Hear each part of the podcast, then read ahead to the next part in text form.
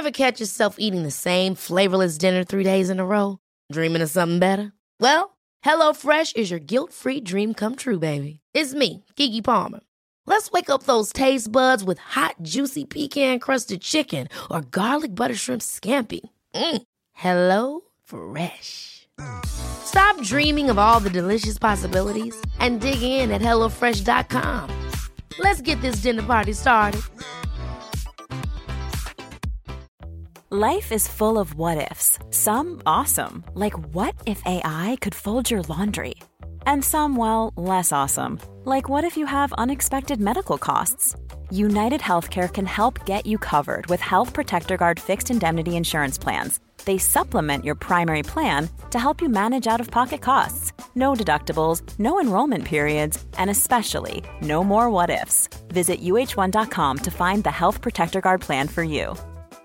Quality sleep is essential. That's why the Sleep Number Smart Bed is designed for your ever evolving sleep needs. Need a bed that's firmer or softer on either side? Helps you sleep at a comfortable temperature? Sleep Number Smart Beds let you individualize your comfort so you sleep better together. JD Power ranks Sleep Number number 1 in customer satisfaction with mattresses purchased in-store. And now, save 50% on the Sleep Number limited edition Smart Bed for a limited time. For JD Power 2023 award information, visit jdpower.com/awards. Only at a Sleep Number store or sleepnumber.com.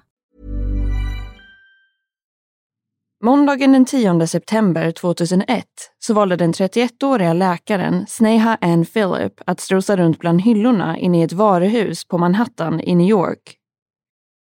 Vid det här tillfället fångas hon på bild av en övervakningskamera och det här är det sista bekräftade spåret av hennes existens.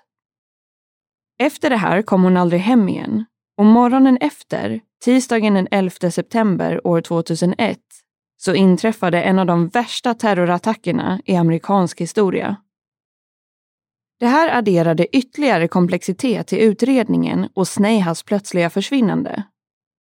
Blev hon kidnappad eller kanske till och med mördad redan under kvällen den 10 september? Dog hon i samband med attacken vid World Trade Center tillsammans med tusentals andra? Eller kan det ha varit så att hon frivilligt valde att försvinna för att starta upp ett helt nytt liv någon annanstans?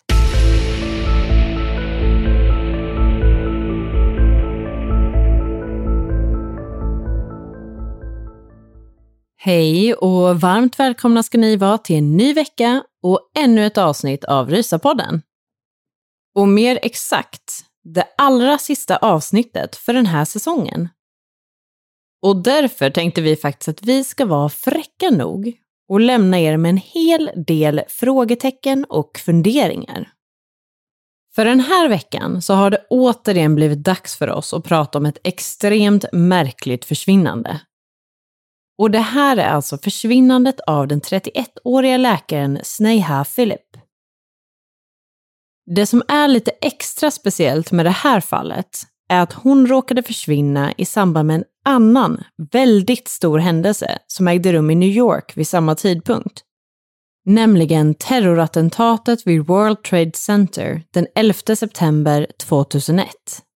Ja, och faktumet att Sneha Philip försvann i samband med den här typen av händelse har ju såklart bidragit till att det finns en hel del teorier kring vad som kan ha hänt henne. Den mer officiella teorin är ju, efter många om och men, att hon faktiskt var ett av de många offren i den här attacken och att hon dog på plats vid World Trade Center. Men med tanke på att man aldrig riktigt har kunnat styrka det här faktumet så finns det också flera andra teorier och spekulationer kring exakt hur, när och varför hon försvann. Ja, och de här teorierna är egentligen inte alls kopplade till attentatet, utan snarare till hennes privatliv och livssituation vid tidpunkten för försvinnandet. Så med andra ord så är det här ett fall med många olika lager och framförallt frågor och funderingar som man än idag, drygt 20 år senare, inte har lyckats besvara. Men med det sagt så tycker jag helt enkelt att vi tar och sätter igång med den här veckans avsnitt.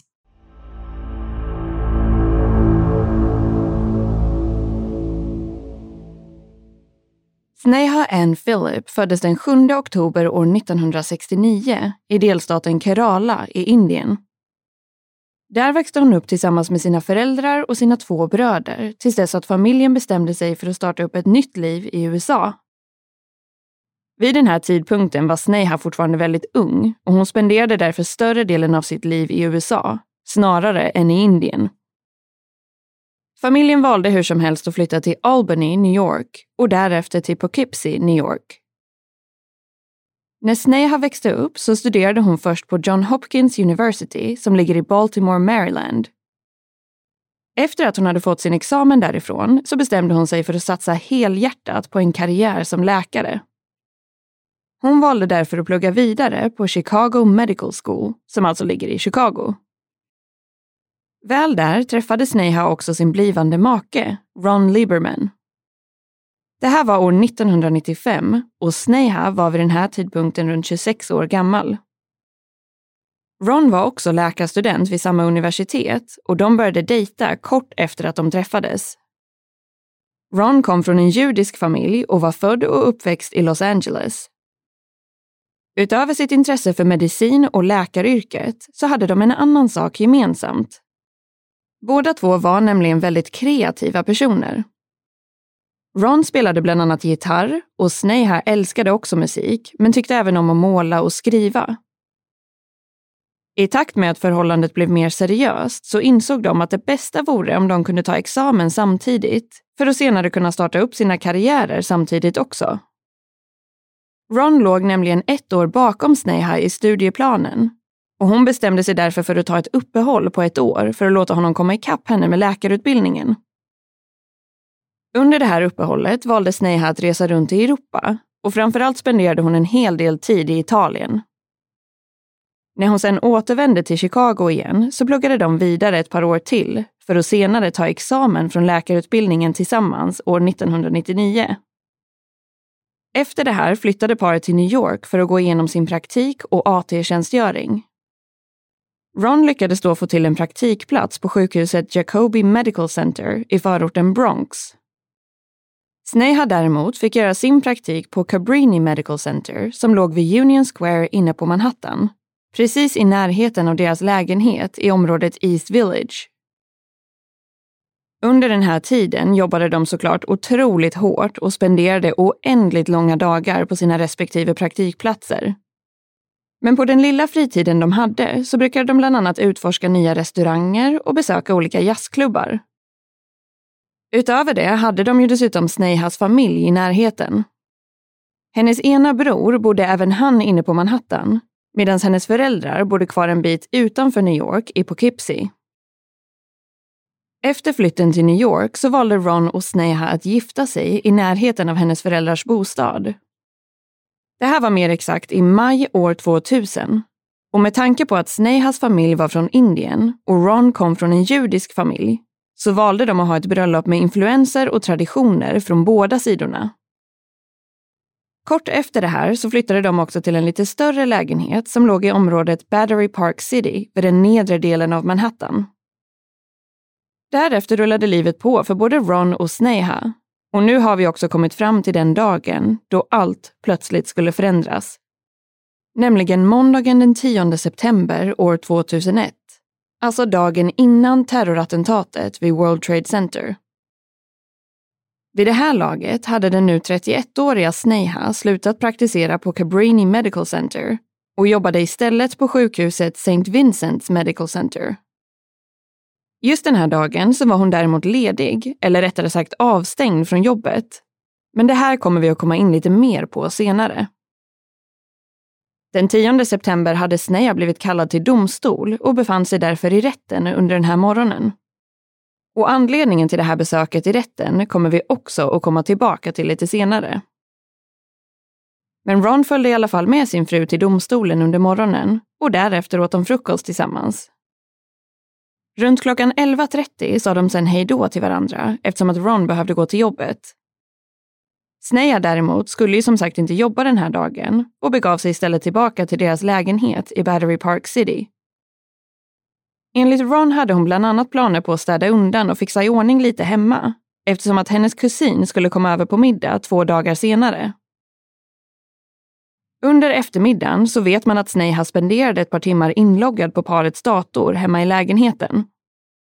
Hon ska då främst ha chattat med sin mamma Ansu och den här konversationen uppges ha pågått i drygt två timmar och ungefär mellan klockslagen 14.00 och 16.00. Under det här långa samtalet ska de ha pratat om lite allt möjligt och enligt Ansu verkade allt då vara i sin ordning. Sneha verkade inte upprörd, orolig eller på något sätt annorlunda än normalt. Bland annat ska hon ha berättat om att hon och Ron hade varit på en fest under helgen och att han hade imponerat på de andra gästerna med sitt gitarrspelande. Utöver det så nämnde Sneha att hon hade planer på att besöka den kända och välbesökta restaurangen Windows on the World som låg högst upp i det norra tornet av World Trade Center. Anledningen till att hon ville gå dit var eftersom att en av hennes kompisar hade bokat in ett bröllop där till våren. Hon ska dock inte ha sagt något mer om exakt när hon hade tänkt besöka den här restaurangen. Sneha loggade sen ut från datorn runt 16-tiden och ska då ha sagt till sin mamma att hon skulle ge sig iväg för att uträtta lite ärenden. Återigen ska hon inte ha delat med sig av några mer exakta detaljer än så vid den här tidpunkten.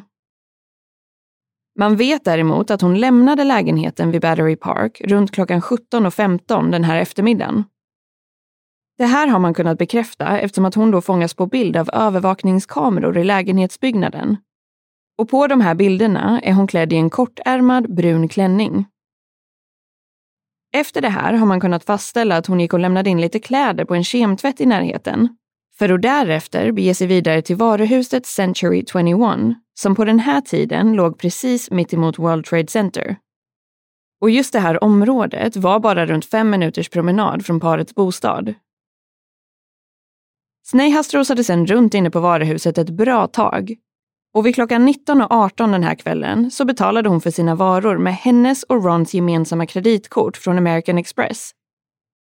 Utifrån kvittot har man kunnat bekräfta att hon köpte några skor, underkläder, en klänning och sänglakan och att den totala summan landade på 550 dollar. Det vill säga ungefär 4 500 kronor. Under den här shoppingturen på Century 21 så fångades Neha på bild ett antal gånger av övervakningskameror. Varje gång hon syns i bild är hon ensam och kikar runt bland varorna i butiken i lugn och ro. Vid ett tillfälle fångas hon även på bild när hon bär på sina shoppingkassar. Just de här kamerabilderna och själva korttransaktionen från Century 21 är dessutom det sista bekräftade spåret av Sneha innan hennes försvinnande. En kassörska inne på Century 21 vittnade dock senare om att hon hade sett Sneha tillsammans med en annan kvinna inne i varuhuset. Enligt det här vittnet så ska hon ha tyckt att den här andra kvinnan också såg ut att ha indiskt påbrå. Men som sagt finns inte hon med på övervakningskameran och man har aldrig kunnat bekräfta om Sneha var själv hela tiden inne på varuhuset eller om hon kanske träffade på en vän eller bekant där inne som kassörskan eventuellt såg henne med. Så man har helt enkelt aldrig kunnat identifiera vem det i sånt fall skulle ha kunnat vara. Och ingen har heller självmant klivit fram för att identifiera sig själv som den här personen. Under tiden som Sneha var ute och shoppade så var Ron som sagt på jobbet vid Jacobi Medical Center i Bronx. Efter en lång arbetsdag kom han slutligen hem till parets lägenhet igen någon gång mellan klockan 23.00 och 23.30 han märkte då att Sneha inte var hemma, men ska däremot inte ha blivit speciellt orolig vid det här laget. Det var nämligen ganska så vanligt att Sneha gick ut för att ta en drink eller liknande och att hon sen sov över hos antingen sin kusin eller sin bror som båda två bodde precis i närheten. Man ska ju också komma ihåg att det här var år 2001 och för oss som är gamla nog att minnas den här tiden ordentligt så var det ju inte nödvändigtvis en självklarhet för alla att ha en egen mobiltelefon som man bar med sig hela tiden då. Och utifrån vad vi har kunnat läsa oss till så ska Sneha inte ha haft en mobiltelefon vid den här tidpunkten. Vilket såklart gjorde det betydligt svårare att hålla kontakten och för Ron att veta exakt var hon befann sig. De ska däremot ha bestämt att Sneha på ett eller annat sätt skulle kontakta Ron och meddela honom om hon skulle sova borta. Ett löfte som hon inte alltid var så bra på att hålla. Så för Ron var det här ingen större chock och han antog helt enkelt att hon skulle komma hem tids nog. Han vaknade sen upp igen runt klockan sex på morgonen och nu var det alltså tisdagen den 11 september. Sneja hade fortfarande inte kommit hem eller hört av sig för att informera om vart hon befann sig. Ron begav sig sen iväg till jobbet igen och han knappt påbörja sin arbetsdag innan han nåddes av en fruktansvärd och chockerande nyhet strax efter klockan 8.45. Nämligen att ett flygplan från American Airlines hade kraschat rakt in i det norra tornet av World Trade Center. När det här hände så trodde ju de flesta att det var en tragisk olycka och att flygplanet bara hade råkat köra in i byggnaden av misstag. Ron blev såklart orolig för Sneha eftersom han inte visste var hon hade sovit den här natten och framförallt var hon nu befann sig under morgonen. Han hade ingen vetskap om att hon skulle haft anledning att besöka World Trade Center, men eftersom att deras bostad låg bara ett par kvarter bort därifrån så var det ju inte helt omöjligt att hon kunde ha varit i närheten när planet kraschade in i det norra tornet. Ron försökte få tag i Sneha genom att ringa deras hemtelefon flera gånger, men han fick då inget svar och kom bara till telefonsvararen. Han kontaktade även hennes familj som inte heller hade hört från henne eller visste var hon var. En dryg kvart senare, vid klockan 09.03, så hände det som ingen hade kunnat föreställa sig. Ett andra plan, den här gången från United Airlines, hade nu kraschat rakt in i det södra tornet av World Trade Center. Och vid det här laget insåg man att det här inte var en olycka, utan att det här snarare var en välplanerad och medveten attack. Ron blev nu mer och mer orolig eftersom att han fortfarande inte hade lyckats få tag på Sneha. Ganska direkt efter attackerna blev ju också telefonnätet runt om i hela landet både överbelastat och avstängt. Och det blev därför mer eller mindre omöjligt att komma i kontakt med varandra. Den allra första huvudteorin som Ron och Snehas familj hade var att hon kanske hade varit på väg hem från där hon nu hade spenderat natten och att hon antingen hade blivit skadad i samband med attacken eller att hon självmant begav sig dit eftersom att hon var i närheten och att hennes instinkt var att försöka hjälpa alla skadade människor. Sneha var ju trots allt utbildad läkare och lär ganska omgående ha insett att det skulle finnas mängder av personer i behov av vård efter en sån här typ av attack.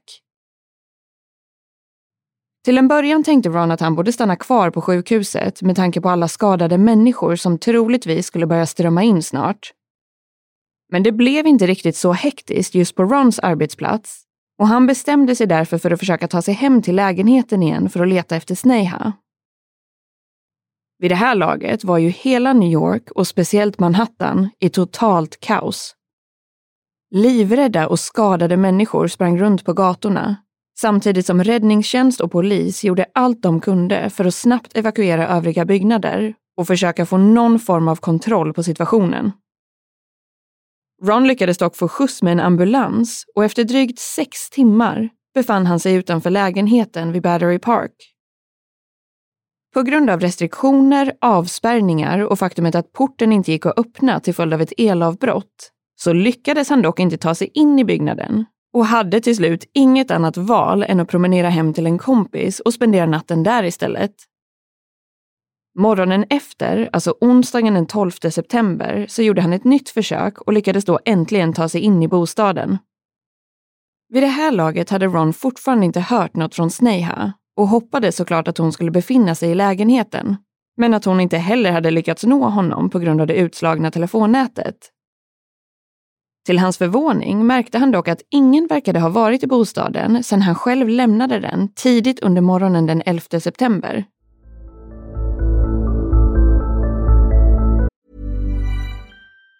Planning for your next trip? Elevate your travel style with Quince. Quince has all the jet-setting essentials you'll want for your next getaway, like European linen, premium luggage options, buttery soft Italian leather bags, and so much more and it's all priced at 50 to 80% less than similar brands. Plus, Quince only works with factories that use safe and ethical manufacturing practices. Pack your bags with high-quality essentials you'll be wearing for vacations to come with Quince. Go to quince.com slash trip for free shipping and 365-day returns. If you're looking for plump lips that last, you need to know about Juvederm lip fillers. With Juvederm Volbella XC and Juvederm Ultra XC, your lip look, whether it's subtle or bold, can last up to one full year with optimal treatment and no additional maintenance. Find a licensed specialist and see if it's right for you at juvederm.com today. That's J U V E D E R M.com. Add fullness to lips in adults over 21 with Juvederm Volbella XC or Juvederm Ultra XC. Do not use if you have severe allergies or a history of severe allergic reactions, or if you're allergic to lidocaine or the proteins used in Juvederm. Tell your doctor if you have a history of scarring or taking medicines that decrease the body's immune response or that can prolong bleeding. Common side effects include injection site redness, swelling, pain, tenderness, firmness, lumps, bumps, bruising, discoloration, or itching. As with all fillers, there's a rare risk of unintentional injection into a blood vessel, which can cause vision abnormalities, blindness, stroke, temporary scabs, or scarring. For full important safety information, visit juvederm.com. A lot can happen in three years, like a chatbot may be your new best friend. But what won't change? Needing health insurance. United Healthcare Tri Term Medical Plans, underwritten by Golden Rule Insurance Company, offer flexible, budget friendly coverage that lasts nearly three years in some states. Learn more at uh1.com.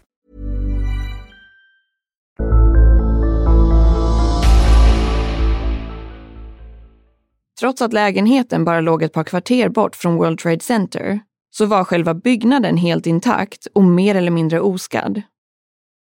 Däremot hade ett fönster stått öppet och lägenheten var därför fylld av ett tjockt lager med grå aska från de två kollapsade tornen. I den här askan fanns inga mänskliga fotspår, utan bara små spår från parets två katter som också befann sig i lägenheten. Vid den här tidpunkten bestämde sig Ron för att anmäla sin fru Sneha som försvunnen hos polisen. Problemet var ju dock att han inte var ensam om det här. Efter attacken var det nämligen tusentals andra personer som anmäldes som försvunna eller saknade. I princip alla var ju dessutom kopplade till datumet 11 september och World Trade Center. Men i ärlighetens namn så visste man ju inte om Sneha faktiskt hade försvunnit under morgonen den 11 september. Eftersom hon aldrig hörde av sig eller kom hem under kvällen eller natten den 10 september så kunde hon ju faktiskt ha försvunnit eller råkat ut för något redan då. Under den 12 september mötte Ron upp Snehas bror och de insåg ganska direkt att varken media eller polisen hade något vidare intresse av att utreda ett något oklart och obekräftat försvinnande från den 10 september när de hade tusentals saknade personer att utreda kopplade till attacken den 11 september. Snehas bror valde därför att hitta på en story som bekräftade att hon hade varit på plats vid World Trade Center under attacken. Han valde med andra ord att ljuga med förhoppningen om att det skulle ge mer uppmärksamhet till Snehas försvinnande och att just hennes bild skulle få möjligheten att synas i media. Den påhittade storyn löd som så att han hade pratat med sin syster i telefon samtidigt som hon befann sig vid den kollapsade tornen. Han uttalade sig också om att Snehas sista ord hade varit att hon inte kunde lämna området eftersom hon behövde hjälpa alla skadade människor på plats. Den här strategiska lögnen fungerade till viss del eftersom att Snehas fall fick väldigt mycket medial uppmärksamhet efter det här. Även om polisen fortfarande var överväldigade av arbetet med att gräva ut och lokalisera tusentals andra saknade personer utöver Sneha. Senare insåg dock hennes bror att det kanske inte var en särskilt bra idé att ha ljugit om det här och att det till och med kunde ha förstört eller vilselett själva utredningen. För egentligen så kunde ju Sneha som sagt ha försvunnit redan under den 10 september eller tidig morgon den 11 september innan attacken ägde rum. Och det här blev därför den andra huvudteorin för Ron och hennes familj. Att något annat, helt orelaterat till attacken, eventuellt hade hänt henne i samband med att hon hade varit ute eller i samband med att hon var på väg hem igen. Med tanke på att polisen initialt antog att Sneha hade omkommit i samband med attacken och därmed inte hade möjlighet att fokusera mer detaljerat på just hennes utredning så valde Ron att anlita en privatdetektiv vid namn Ken Gallant de jobbade sedan tillsammans för att försöka förstå vad som kunde ha hänt Sneha och när. De kunde dels pussla ihop informationen om vad Sneha hade haft för sig under eftermiddagen tack vare att hon hade pratat online med sin mamma. Då fick man även reda på att Sneha hade pratat om att besöka restaurangen Windows on the World i det norra tornet av World Trade Center, även om det inte verkade så troligt att hon skulle ha begett sig dit just då. Faktumet att hon hade varit på Century 21 och shoppat insåg Ron efter att ha kontaktat American Express och fått reda på de senaste korttransaktionerna. Därigenom hittade man också bilderna på Sneha från övervakningskamerorna inne i varuhuset. De valde sedan att kolla igenom material från övervakningskameran vid entrén till deras lägenhet och hittade då bilderna av Sneha när hon lämnar bostaden runt klockan 17.15 den 10 september. Därefter syns inga spår av att hon någonsin återvänder. Men runt klockan 8.40 på morgonen den 11 september syns plötsligt en kvinna i bild som ser ut som Sneha både till utseendet och i sitt kroppsspråk och rörelsemönster. Hon ser även ut att ha på sig en liknande klänning som Sneha sågs bära på bilderna från Century 21. Det var dock svårt att bekräfta att det var hon eftersom att just vid den här tidpunkten så var det väldigt soligt och ljust ute, vilket gjorde att själva bilden blev extremt otydlig. Både Ron och hennes familj har dock uppgett att det definitivt skulle ha kunnat vara Sneha på inspelningen, även om det än idag inte har kunnat bekräftas. Men den här kvinnan går då fram till hissen i byggnaden och står och väntar en stund. Därefter verkar det som att hon ångrar sig för att istället gå ut från byggnaden igen. Det här var ganska precis i samband med att det första flygplanet kraschade in i det norra tornet. Och en teori, om det nu var Sneha, är därför att hon noterade att någonting hände utanför och valde att gå ut för att undersöka saken vidare och därefter begav sig iväg för att försöka hjälpa alla skadade på plats. Men en sak som talar emot att det skulle ha varit Sneha är faktumet att den här kvinnan inte bär på några kassar. Man vet ju att hon hade shoppat en hel del kvällen innan. Så varför hade hon då inte med sig dem hem igen? Och vart eller hos vem skulle hon annars ha lämnat kassarna? En tanke kring det här är att hon skulle ha lämnat dem hemma hos den mystiska kvinnan som kassörskan på varuhuset tyckte sig ha sett i sällskap med Sneha. Men som sagt så har man ju aldrig kunnat bekräfta att den här kvinnan ens existerade. Och ingen har någonsin klivit fram och sagt att de var med Sneha under kvällen den 10 september. Så om den här kvinnan faktiskt existerar så kan man ju absolut fundera över om hon på något vis kan ha varit inblandad i Snehas försvinnande. En annan märklig detalj som privatdetektiven Ken upptäckte var faktumet att någon verkade ha ringt till Rons mobiltelefon från hemtelefonen vid klockan fyra på morgonen den 11 september. Det finns dock ingen rimlig förklaring till det här och Ron misstänker att det kan ha varit han själv som ringt och kollat sin röstbrevlåda under natten, men att han ska ha halvsovit och därför inte kommer ihåg det ordentligt. När polisen väl började utreda Snehas försvinnande så hade det hunnit gå ett bra tag sedan attacken ägde rum. Man hade fortfarande inte hittat några fysiska bevis som indikerade att hon faktiskt hade befunnit sig vid World Trade Center under attacken. De började istället luta allt mer åt möjligheten att hon försvann och kanske till och med avled redan under den 10 september. I sin utredning började de också fokusera väldigt mycket på hur Snehas livssituation såg ut innan hon försvann. I och med detta så kom en tredje teori in i bilden.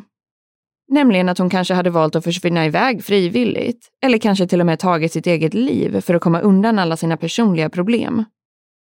Kanske såg hon attacken under den 11 september som det perfekta tillfället för att kunna fly undan allt utan att lämna några som helst spår efter sig. Det visade sig nämligen att Sneha hade haft en hel del utmaningar under den senaste tiden och att allt inte var riktigt så bra som det kanske verkade utåt. Som jag nämnde tidigare så hade ju Sneha bytt arbetsplats en tid innan försvinnandet. Det här var dock inte självvalt utan Cabrini Medical Center hade valt att inte förlänga hennes praktikperiod på grund av återkommande förseningar och alkoholrelaterade problem. Hennes anhöriga har uttalat sig om att det här inte alls stämmer och att anledningen till att Sneja fick sparken därifrån var på grund av att hon hade varit en så kallad visselblåsare och anmält problematik kring orättvis behandling och diskriminering på arbetsplatsen. Sjukhuset har dock uttalat sig om att de inte alls vet om att något sånt ska ha inträffat och att Sneja aldrig ska ha gjort någon anmälan inom det här området. Under tiden som hon fortfarande jobbade på Cabrini Medical Center så ska hon också ha varit ute på en AV tillsammans med några kollegor. Under den här kvällen så började hon att bråka med en manlig praktikant och fick i slutändan spendera natten i häkte eller någon form av fyllecell.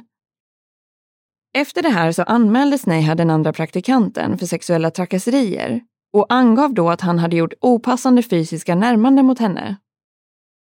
Det här ärendet utreddes av Åklagarmyndigheten och det resulterade i att anmälan mot kollegan lades ner på grund av bristande bevis och att Sneha istället blev åtalad för att ha gjort en falsk polisanmälan.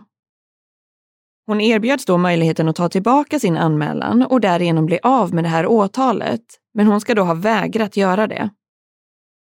Och det var just det här åtalet som Sneha besökte domstolen om under morgonen den 10 september. Sneha hade ju dock lyckats få till ett annat jobb på sjukhuset St. Vincent's Medical Center och var anställd där under hösten 2001. Men som jag var inne på tidigare så var ju hon avstängd från jobbet vid tidpunkten för försvinnandet. Och det här ska ha varit på grund av att hon hade missat, eller snarare hoppat över, ett möte med en missbruksrådgivare. Den officiella anledningen till att hon fick sparken från Cabrini var ju nämligen kopplat till alkoholmissbruk. Och ett av villkoren för den nya tjänsten på St. Vincents var därför att hon skulle delta i ett rehabiliteringsprogram. Något hon alltså inte hade gjort. I den här polisrapporten och utredningen kring Snehas privatliv kom det fram massa andra påståenden och anklagelser. Bland annat att hon och Ron ska ha haft problem i sitt äktenskap och att Sneha hade varit otrogen mot sin make. Polisen ska till exempel ha tagit upp faktumet att hon ofta besökte olika gaybarer och att hon ska ha gått hem med okända kvinnor vid flera tillfällen. En annan sak som kom upp var att Snehas egen bror ska ha kommit på henne i sängen tillsammans med hans flickvän. Hennes bror har dock uttalat sig om att han aldrig ens hade pratat med polisen som skrivit rapporten och att det är en total lögn. Ron ska ha förklarat att Sneha ofta besökte gaybarer eftersom att hon var rädd för att bli utsatt för sexuella trakasserier igen och att hon absolut gick hem med kvinnor ibland efter sina utekvällar. Däremot har han uttalat sig om att det bara var på en vänskaplig nivå och att han och Sneha var väldigt lyckliga tillsammans. I polisrapporten angavs också att Ron och Sneha ska ha bråkat om deras påstådda relationsproblem utanför domstolen under morgonen den 10 september. Något som inte alls stämmer enligt Ron själv. Både Ron och hennes familj har även motsatt sig polisens rapporter gällande hennes påstådda alkoholmissbruk och förklarat att det bara var en period som hon gick igenom, men att hon var på bättringsvägen vid tidpunkten för försvinnandet.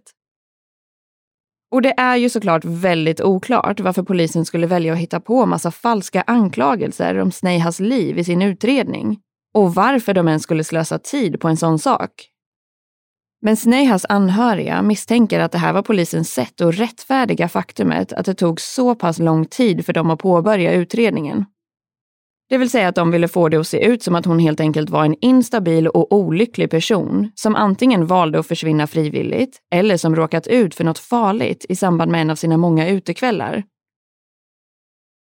Det finns däremot en hel del saker som talar emot att Sneha skulle ha försvunnit iväg på eget bevåg. Man sökte bland annat igenom hennes dator och hittade då inga tecken på att hon skulle ha varit otrogen eller haft några som helst planer på att lämna sitt liv bakom sig. Hon hade dessutom lämnat kvar alla sina kreditkort, sitt pass och andra saker som man kan tänka sig att hon skulle ha velat ha med sig om hon planerat att försvinna iväg. Det enda kortet hon hade med sig var hennes och Rons gemensamma American Express-kort. Och efter inköpet på Century 21 har inga andra transaktioner registrerats. Ingen har någonsin kontaktat polisen och sagt att de var med Sneha under kvällen eller natten den 10 september eller under morgonen den 11 september. Och det sista bekräftade spåret av henne är från övervakningskameran vid varuhuset Century 21. Men i det här fallet så verkar det finnas en stark vilja hos många att måla upp en dramatisk bild av att Sneha levde någon form av dubbelliv, vilket gör att teorierna och spekulationerna är många. Men det är ju däremot väldigt svårt att veta om det är polisen eller hennes anhöriga som har valt att justera och modifiera detaljerna kring Snehas privatliv. Eller om ingen av dem faktiskt hade koll på hur det egentligen låg till. Även Ron och Snehas familj blev utredda av polisen, men ingen av dem har någonsin sett som misstänkta i hennes försvinnande. Hennes anhöriga har under årens lopp blivit allt mer övertygade om att hon på något vis omkom i samband med attacken vid World Trade Center. Och med största sannolikhet befann hon sig där eftersom att hon var i närheten och försökte erbjuda vård till alla skadade människor. Det har dock varit mycket fram och tillbaka rent juridiskt gällande om Snea Ann Phillip faktiskt kan anses vara ett av de tusentals offer som miste livet i samband med den 11 september. Hennes namn blev borttaget från listan år 2004 eftersom man ansåg att det inte fanns tillräckliga bevis för att hon var där eller skulle ha kunnat vara där. Och på grund av polisens rapport om hennes så kallade problematiska livssituation. Men år 2008 blev hon sedan återigen tillagd på den officiella listan av dödsoffer. Det här baserades på att domaren ansåg att det trots allt är den mest sannolika förklaringen till hennes försvinnande. Baserat på detta så borde ju det här fallet anses vara löst vid det här laget. Men på grund av att det fortfarande finns så pass många obesvarade frågor så är det här fortfarande ett mysterium som lever vidare. Och en detalj som har bidragit till ännu fler spekulationer i det här fallet är ett vykort som postades in till hemsidan och konstprojektet Post Secret, där folk anonymt kan posta in vykort med olika bekännelser och hemligheter. En dag kom det in ett vykort med en abstrakt bild av de två brinnande tornen och en text som löd Everyone who knew me before 9-11 believes I'm dead. Det vill säga, alla som kände mig innan den 11 september tror att jag är död. Det finns dock inga bevis för att Sneha skulle ha skickat in det här vykortet eller att det låg någon sanning i texten överhuvudtaget, oavsett vem som skickade in det.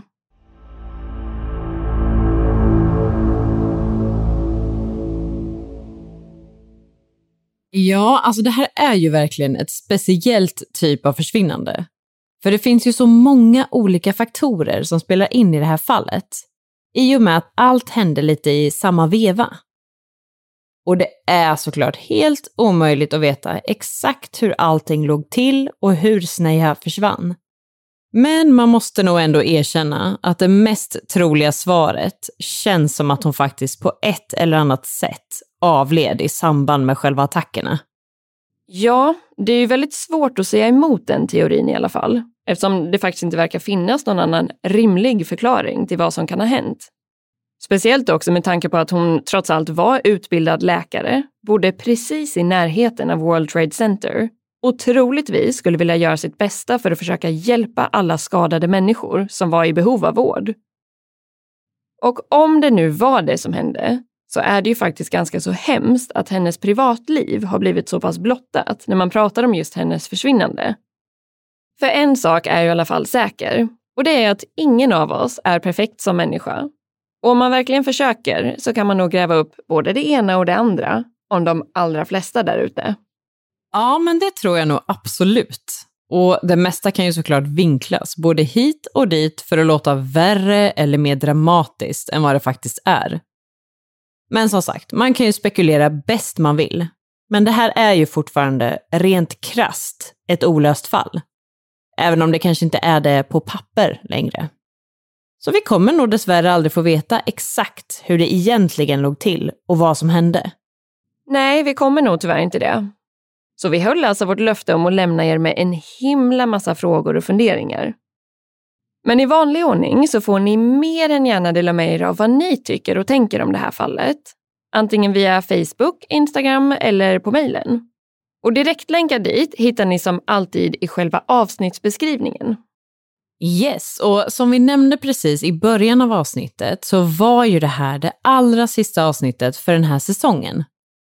Så vi kommer nu att köra ett litet uppehåll och vi lovar att det absolut inte handlar om ett halvårs uppehåll den här gången.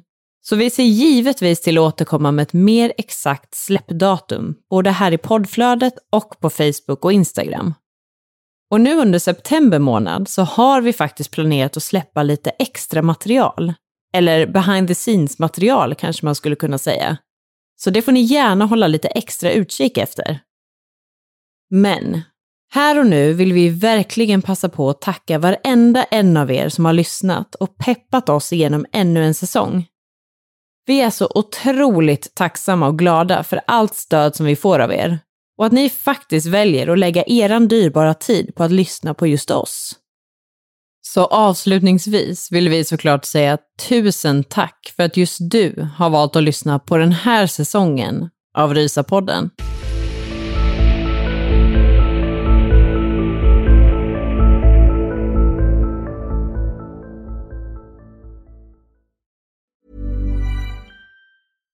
catch yourself eating the same flavorless dinner three days in a row? Dreaming of something better? Well, HelloFresh is your guilt-free dream come true, baby. It's me, Kiki Palmer. Let's wake up those taste buds with hot, juicy pecan-crusted chicken or garlic butter shrimp scampi. Mm. Hello Fresh. Stop dreaming of all the delicious possibilities and dig in at HelloFresh.com. Let's get this dinner party started. When you drive a vehicle so reliable it's backed by a 10 year, 100,000 mile limited warranty, you stop thinking about what you can't do and start doing what you never thought possible. Visit your local Kia dealer today to see what you're capable of in a vehicle that inspires confidence around every corner. Kia, movement that inspires. Call 800 333 4KIA for details. Always drive safely. Limited inventory available. Warranties include 10 year 100,000 mile powertrain and 5 year 60,000 mile basic. Warranties are limited. See retailer for details.